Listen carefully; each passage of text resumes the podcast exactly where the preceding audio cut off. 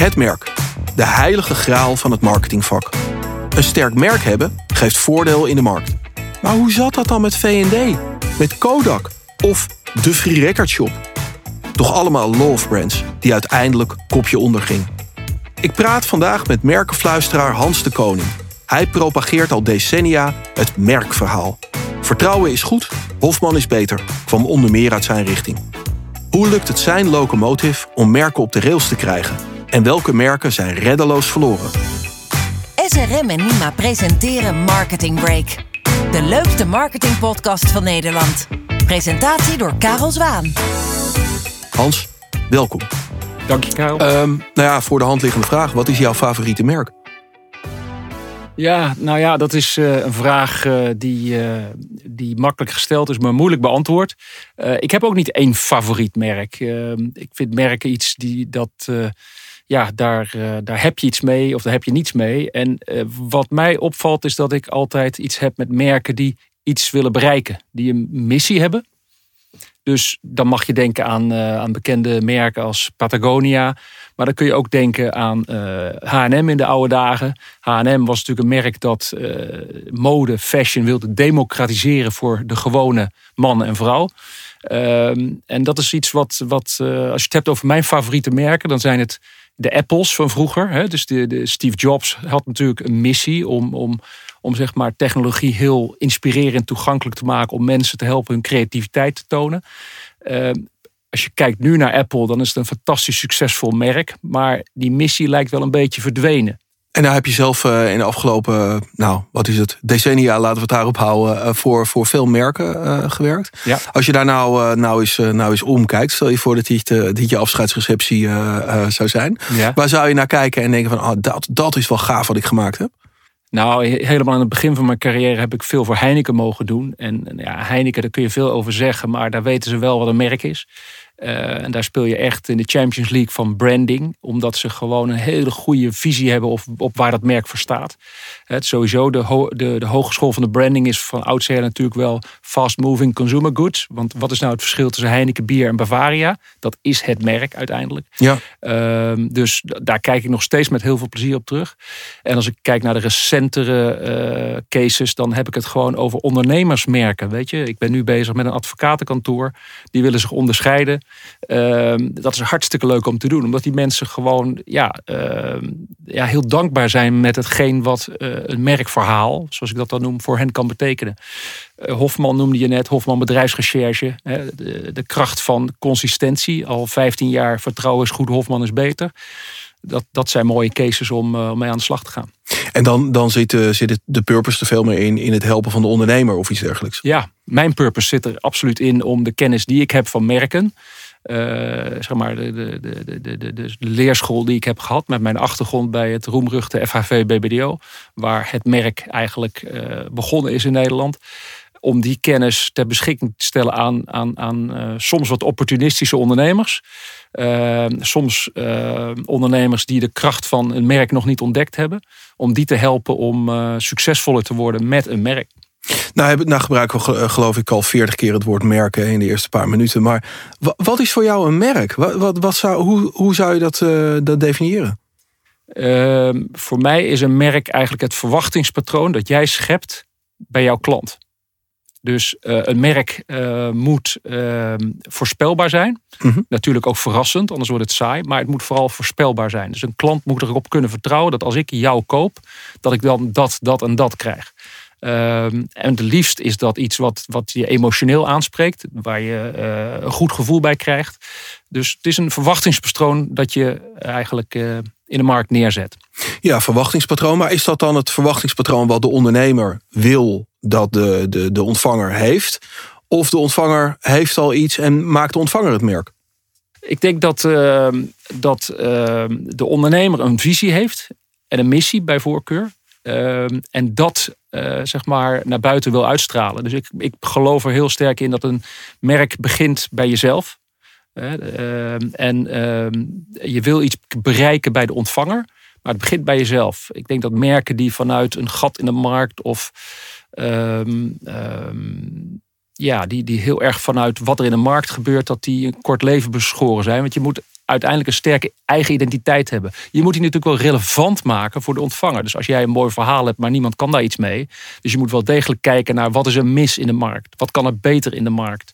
Maar het begint toch uiteindelijk bij jezelf. Waar ben je goed in? Waar heb je passie voor? Uh, waar denk je dat jij het verschil kan maken? Daar begint het mee. En vervolgens ga je kijken waar dat relevant kan zijn voor die klant. Nou zeggen de meeste reclamebureaus, ja, maar die klant weet eigenlijk helemaal niet wat hij wil. Die, die, heeft, die, die zijn allergisch voor dikke briefings en, en allerlei ideeën. Uh, uh, copyright en de marketingdirecteuren, weet je. Het moet allemaal, uh, het reclamebureau weet, kan de essentie pakken. Terwijl jij volgens mij nu zegt, van ja, het begint bij de, bij de ondernemer. Hoe, hoe zie je dat? Nou, het begint bij de ondernemer, omdat inderdaad de klant eh, vaak niet zo goed weet wat hij wil. Maar wat hij wel weet, is dat hij ontzorgd wil worden, of dat hij uh, uh, ontroerd wil worden, of dat hij een probleem opgelost wil zien. En misschien, ehm, misschien heeft hij dat probleem zelf nog niet onderkend, maar ehm, ik denk toch in veel gevallen dat dat de, de, de ondernemer uiteindelijk ziet waar hij het verschil kan maken voor die klant. En dat kan heel klein zijn of heel groot. En neem, neem, ons nou eens mee hè, op, die, op, die, op die tocht die je dan met mensen uh, maakt. Je noemde net een advocatenkantoor.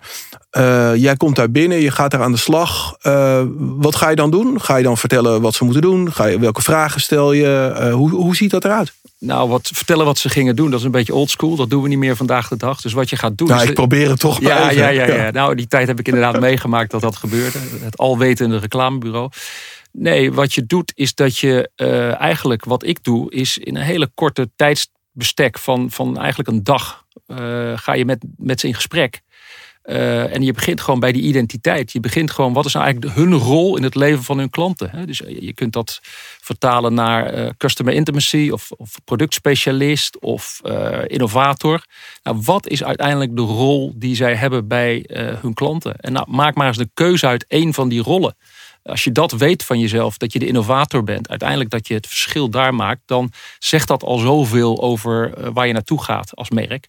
En wat mij opvalt is dat veel uh, veel ondernemers of ondernemingen die basale vraag eigenlijk onvoldoende onderkennen. Zijn en, nou en hoeveel, hoeveel wishful thinking kom je daar tegen? Want ik kan wel zeggen, ja, ik ben de innovator. Maar op het moment dat ik dat, ja, dat, dat kan een hele grote wens zijn, terwijl ik dat misschien helemaal niet ben. Nou, Hoe prik je daar doorheen? Ja, door, door dat gesprek met ze aan te gaan. En dat op een hele simpele manier te doen. Met kleurtjes te werken. De, de innovator staat, is rood bijvoorbeeld. De productspecialist is blauw. Daar komen de bekende kleurtjes weer. Mhm. De klantenknuffelaar is geel. En de autoriteit die veiligheid brengt is groen. Nou, eh, stel je voor dat je groen bent. Eh, dat je er eigenlijk achter komt dat je groen bent. Als je dan heel donkergroen bent, ga je nooit geel worden. Maar het kan zijn dat je lichtgroen bent en tegen geel aan gaat zitten. Dan kan het een een, een, een, een, eh, een wens zijn om geel te worden. Maar dan moet je dat wel onderkennen, dat je dan uh, actie moet ondernemen op dat vlak. Dus je kunt ja, daar... Even voor de mensen die denken dat we, dat we Papa aan het naspelen zijn. Hè? Um, uh, geel, groen, blauw, rood, dat, dat zijn die um, van management drives, die kleuren. Die pak je. Ja, ja, die gebruik ik op een andere manier. Er zijn vier kwadranten. Je hebt innovatiebedrijven, je hebt productspecialisten, je hebt uh, klantenknuffelaars en je hebt de autoriteiten. Dat zijn vier levels. Nou, door gewoon in een van die kwadranten, kwadranten je merk te, te positioneren, jezelf neer te zetten, dat zegt iets over jouw rol in het leven van jouw klant. Dus daar begint het bij mij mee. En het leuke is dat zo'n heel simpel kleurenspelletje, dat, dat is natuurlijk heel leuk om te doen met de mensen. En, daar, en, en merken zijn uiteindelijk keuzes maken. Een merk dat alles wil zijn voor iedereen is niets voor niemand. Dus je moet gewoon uh, durven om die keuzes te maken. Ja, maar en, en nou, nou gaat dat uh, advocatenkantoor is denk ik voor de luisteraar wat, uh, wat, wat, wat abstract. Maar, maar stel, stel nou voor dat we, we, we worden geroepen door Audi. Nou, dan denk ik dat het een blauw merk is. Zeker. Um, en dan zijn we anderhalf uur verder en dan vertellen wij samen um, aan de directie van Audi: jullie zijn een blauw merk. Ja. Dan is de oprechte antwoord zal iets zijn in de trant van na und. Ja, eh, wat moet ik daarmee? Wat, zeker, en dan? Bij, en zeker bij Audi, want die weten dat heel goed dat ze blauw zijn. Dus die hebben, eh, kijk, automerk is net zoiets als met bier en chips. Die weten heel goed wat een merk is en wat het voor ze kan betekenen. Dus ik hoef Audi niet te vertellen dat ze blauw zijn. Maar ik kan dat advocatenkantoor wel met hun dat traject doorgaan en dat ze erachter komen dat ze, ze geel zijn, ik noem maar wat. En een geel advocatenkantoor, een klantenknuffelaar, ja, dat is al eigenlijk bijzonder. Want de meeste advocatenkantoren zijn of blauw of groen. Ja, en waar ik naartoe wil is dan de volgende stap. Hè? Dan, dan weet je dat. Nou, wij zijn klantenknuffelaars. Nou, dat is op zich mooi. Ja. Dan heb je een payoff. Hè? Advocatenkantoor X, de klantenknuffelaar. Maar wat, wat, Nou, dat wat gaat gaan snel, we dan- Karel. Ja, Dat gaat te snel. snap Er ik. zitten wat stappen maar, tussen. Ja, precies. En, wat, ga- en dan? Nou, dan, dan is de volgende stap. Als je weet wat je rol is in het leven van je klant, kun je ook nadenken: wie zijn wij eigenlijk? Wat, wat je tegenwoordig ook vaak hoort van een merk een mens maken. Dat is natuurlijk een belangrijke stap. Zodat de mensen die er werken weten dat onze persoonlijkheid is eh, dat we bijvoorbeeld een, eh, een, ehm, een rebel zijn. Ik noem maar wat. Dus, eh, En, en hoe pak je dat vast? Want het, het- ik, probeer het, ik probeer het even heel concreet nou, te ook maken. dat doe je dus samen met hen. En daar kun je bijvoorbeeld voor eh, de MBTI-methode voor gebruiken. De Myers-Briggs Type Indicator. Wat in feite het model van Jung is over persoonlijkheidstypen. Eh, ik vertel je niks, niks nieuws als we het dan hebben over archetypen. Ja. Dus, als je, dus als je weet wat je rol is in het leven van je klant. Als je weet wie je bent. Dan heb je je identiteit al vormgegeven. Ik zei al in het begin. Een merk begint uiteindelijk bij jezelf. Wie ben je? Waar sta je voor? Waar wil je het verschil maken? Dat lijkt me dan ook een ontdekkingstocht voor, de, voor, die, voor die ondernemer zelf. Om een keer eh, uitgeschreven te krijgen van dit is wie we zijn. Ik kan me voorstellen dat daar veel herkenning in zit voor mensen. Zeker. Het is herkenning. Eh, dus ik, ik zeg ook altijd tegen mijn klanten: het is niet zo dat ik iets nieuws kom brengen, maar ik kom jullie helpen om te verduidelijken wie je bent. Dus je krijgt eigenlijk een soort van analyse, psychoanalyse van, eh, van, je, eigen, van je eigen bedrijf. Ja, dus, dus als, we, als we MBTI volgen, ik wil toch maar even naar Audi. Hè, want daar kunnen mensen zich iets bij, bij voorstellen. En die, die weten dat inderdaad, zoals je net zelf eh, al zei, hartstikke goed zelf. Ehm dat is een blauw merk. Ehm zullen wel introvert zijn, eh, denk ik. Eh, zal, wel, hè, als voor de mensen MBTI, google het even, Google is your friend. Ehm, wel, wel een rationeel merk, denk ik, Audi. Maar ik kan me ook voorstellen, oké, dan hebben we dat beschrijven. Het is nog allemaal heel erg intern. Hè? En, en als je kijkt, hè, deze, deze podcast heet Marketing Break. Wat is dan, wat is dan het moment dat je de, de overstap maakt naar, naar buiten? Want ja, het is mooi wie ik ben en mijn persoonlijkheid. Maar ja, iemand die, die, die aan een merk iets heeft, ja, die wil toch weten, wat heb ik daar dan eh, Ja. aan? Hoe vertaal je dat dan? Nou, dat is de volgende stap. Dan heb je het dus over het verhaal. Wat is het verhaal wat een Audi gaat vertellen? En dat begint bij een inzicht. Eh, een inzicht van iets wat in jouw markt eh, beter kan. Waar klanten eigenlijk niet om vragen, omdat ze het misschien nog niet weten. Kijk naar Apple, die met de, eh, de iPad kwam en de, de iPod. Ehm, maar je gaat eigenlijk, dan ga je de oversteek maken naar de buitenwereld. En, en, en op zoek naar dingen die beter kunnen, die anders kunnen. En als je dat eenmaal gevonden hebt, dan. ehm, ik noemde het voorbeeld al van Hennis en Maurits, die eigenlijk zei van mode is veel te elitair. Het begint dus ook vaak met een conflict in de markt. Eh, Dus in de tijd van Hennis Maurits was mode inderdaad elitair. Dat kwam uit Parijs en Milaan. En Hennis en Maurits heeft gezegd: wij gaan dat voor mensen bereikbaar maken. En dan heb je meteen je missie. Dus die missie is dan fashion bereikbaar maken voor gewone mensen. Ja, dat is natuurlijk schitterend. Hè? En bijvoorbeeld eh, Google eh, met, nou, ik, ik, ik ken hem niet uit mijn hoofd, maar het is ongeveer iets van: wij willen informatie ontsluiten voor alle mensen op de planeet of iets dergelijks. Tegelijkertijd, door hun commerciële activiteiten, hè, dat je eerst eh, tien advertenties door moet, dat ze een algoritme hebben waar grote partijen bevooroordeeld worden, zorgt Google er misschien wel voor eh, dat informatie helemaal niet meer zo goed eh, ontsloten eh, wordt. Hè. Iedereen die een marketingmodel zoekt, krijgt niet ordentelijk het stukje tekst waar het ooit mee begonnen is, maar krijgt iets op scriptie.nl waar het, waar het half uitgelegd staat. Ja. Dat, dat is natuurlijk dat soort conflicten ontstaan ook wel Ja. bij, bij Ja. merken. Ja, nou en zeker bij merken die min of meer monopolieposities bereikt hebben. Ik heb daar natuurlijk een beetje over nagedacht in de voorbereiding op deze podcast.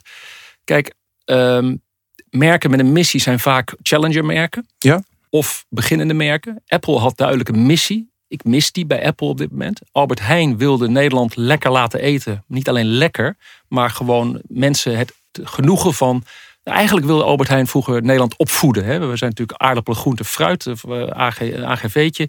En inmiddels eten we heel anders in Nederland. En Albert Heijn was ook een heel sterk merk met een missie. Ik mis dat op dit moment ook bijvoorbeeld een beetje bij Albert Heijn. Ik weet, ze zijn wel het lekkere van Albert Heijn.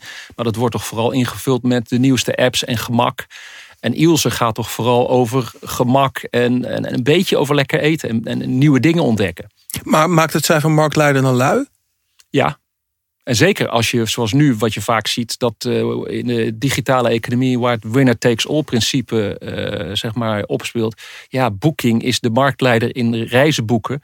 Uh, en dan komt er een hele tijd niemand. Ja, wat is de missie van Booking? Die is er eigenlijk niet. Dus uh, tot op het moment dat er dus allerlei challenger-merken komen die het beter gaan doen. Dus Booking heeft ook niet het eeuwige leven, ondanks het feit dat ze heel groot zijn. Um, en hetzelfde kun je zeggen voor een Google. Hetzelfde kun je zeggen over Uber. Dus de, de, de digitale economie is, um, is um, op vele fronten uh, niet altijd even goed voor merken.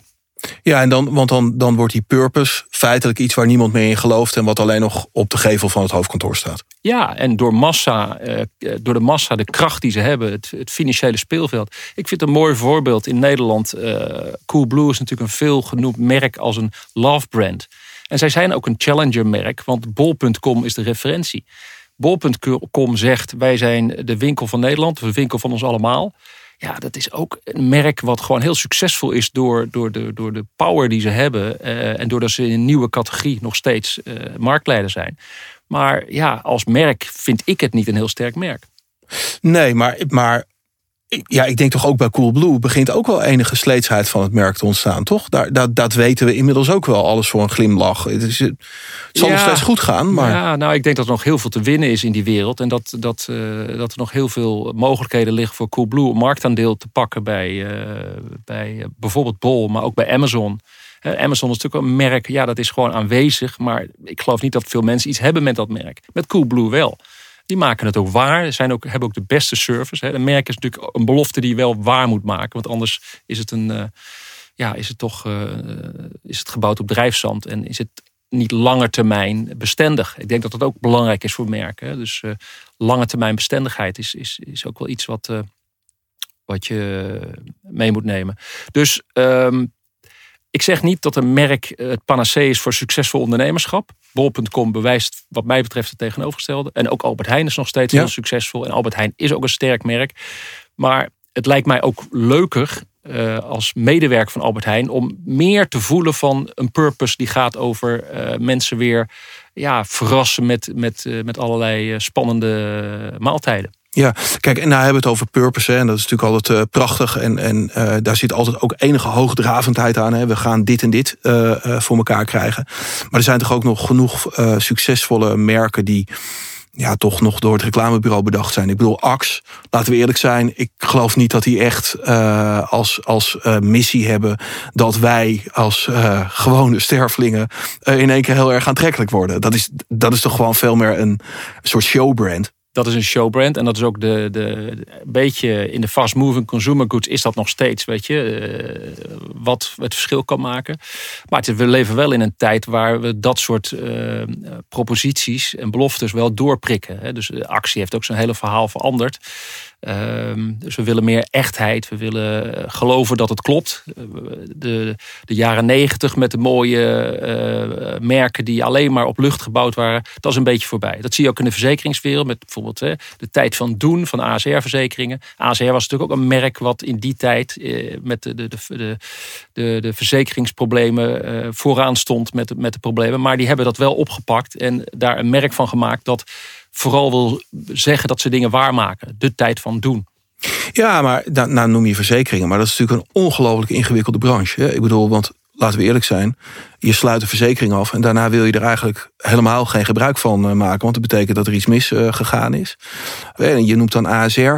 Maar volgens mij lukt het verzekeraars eigenlijk maar heel moeilijk... ondanks al die mooie purposes, om zichzelf echt te onderscheiden de verzekeraars zijn geen goede marketeers, gemiddeld genomen. Zijn zeker geen merkdenkers. Er zijn een paar uitzonderingen. Inshared, die kwamen met iets nieuws. Dat je eigenlijk de premie die zij niet nodig hadden om schade uit te keren, dat de, de klanten die terugkregen. Dat was een heel mooi. Uh, we horen er niet zoveel meer van.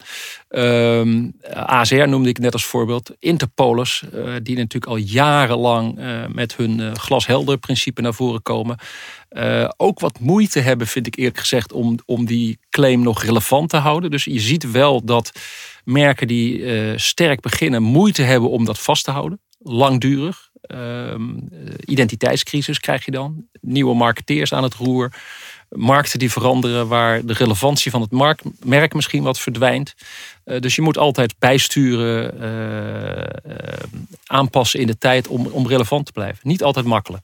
Nou had ik het net in de inleiding over grote merken van ooit, V&D, Kodak, Free Record Shop. Zie je op dit moment merken waarvan je echt denkt van... oeh, daar gaat het op dit moment mis?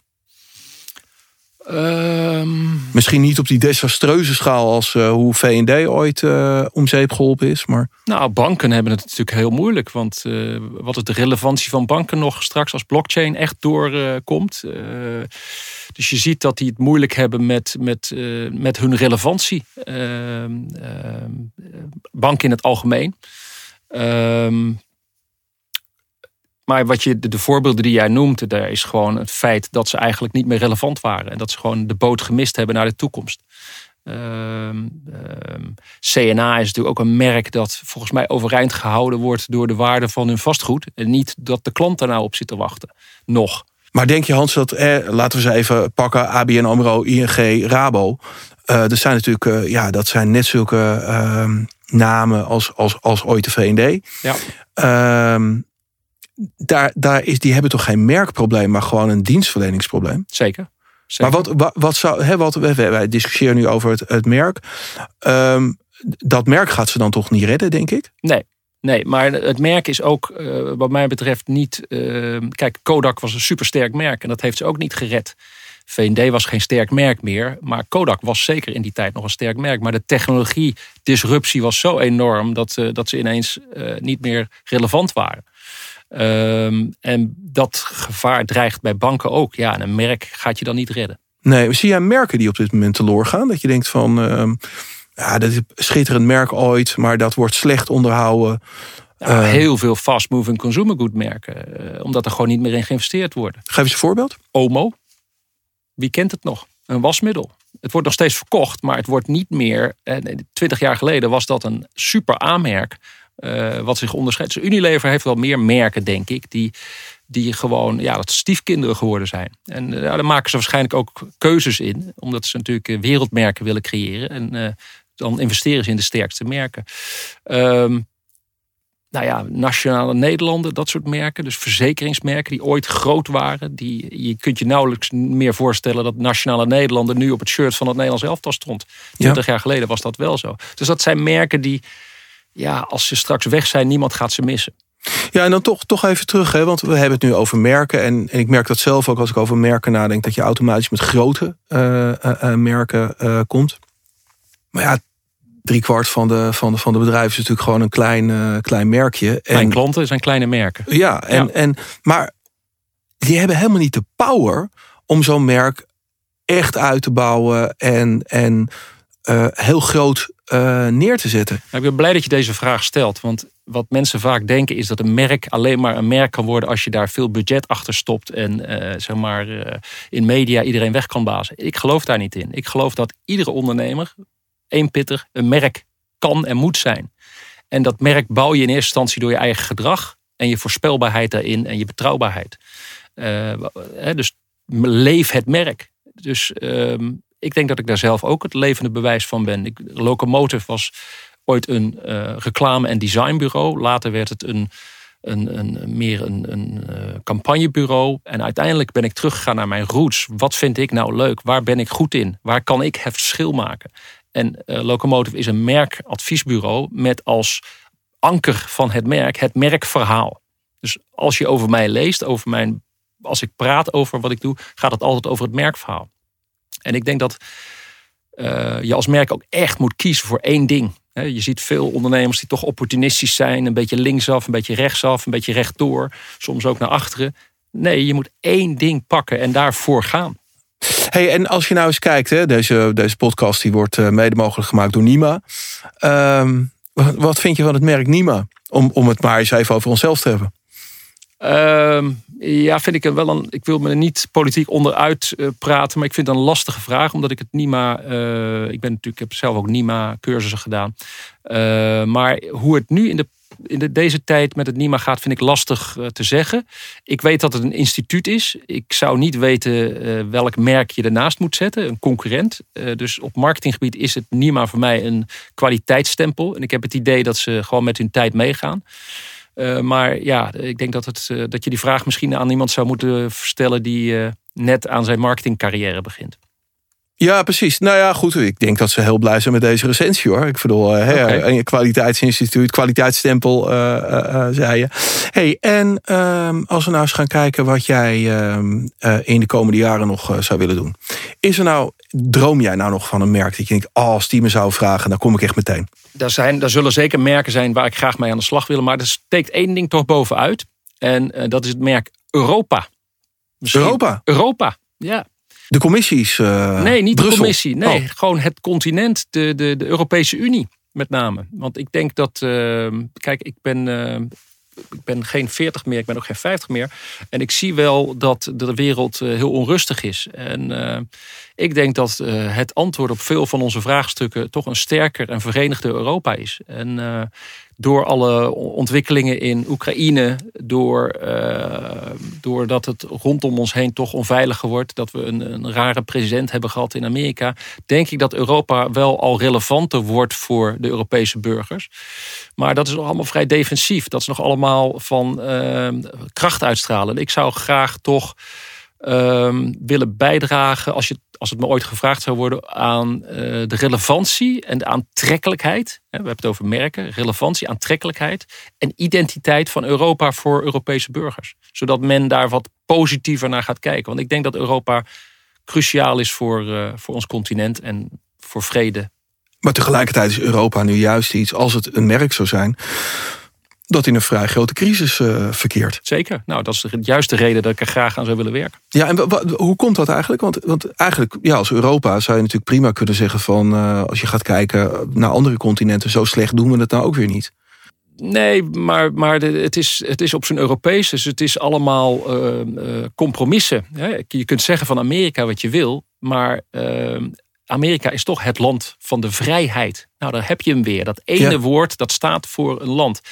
Nou zeg ik er meteen bij dat Amerika dat de laatste jaren niet echt waarmaakt. Dus het is, ik ben niet jaloers op Amerika. Dus, maar het land, de oorsprong van het land staat voor één woord, vrijheid.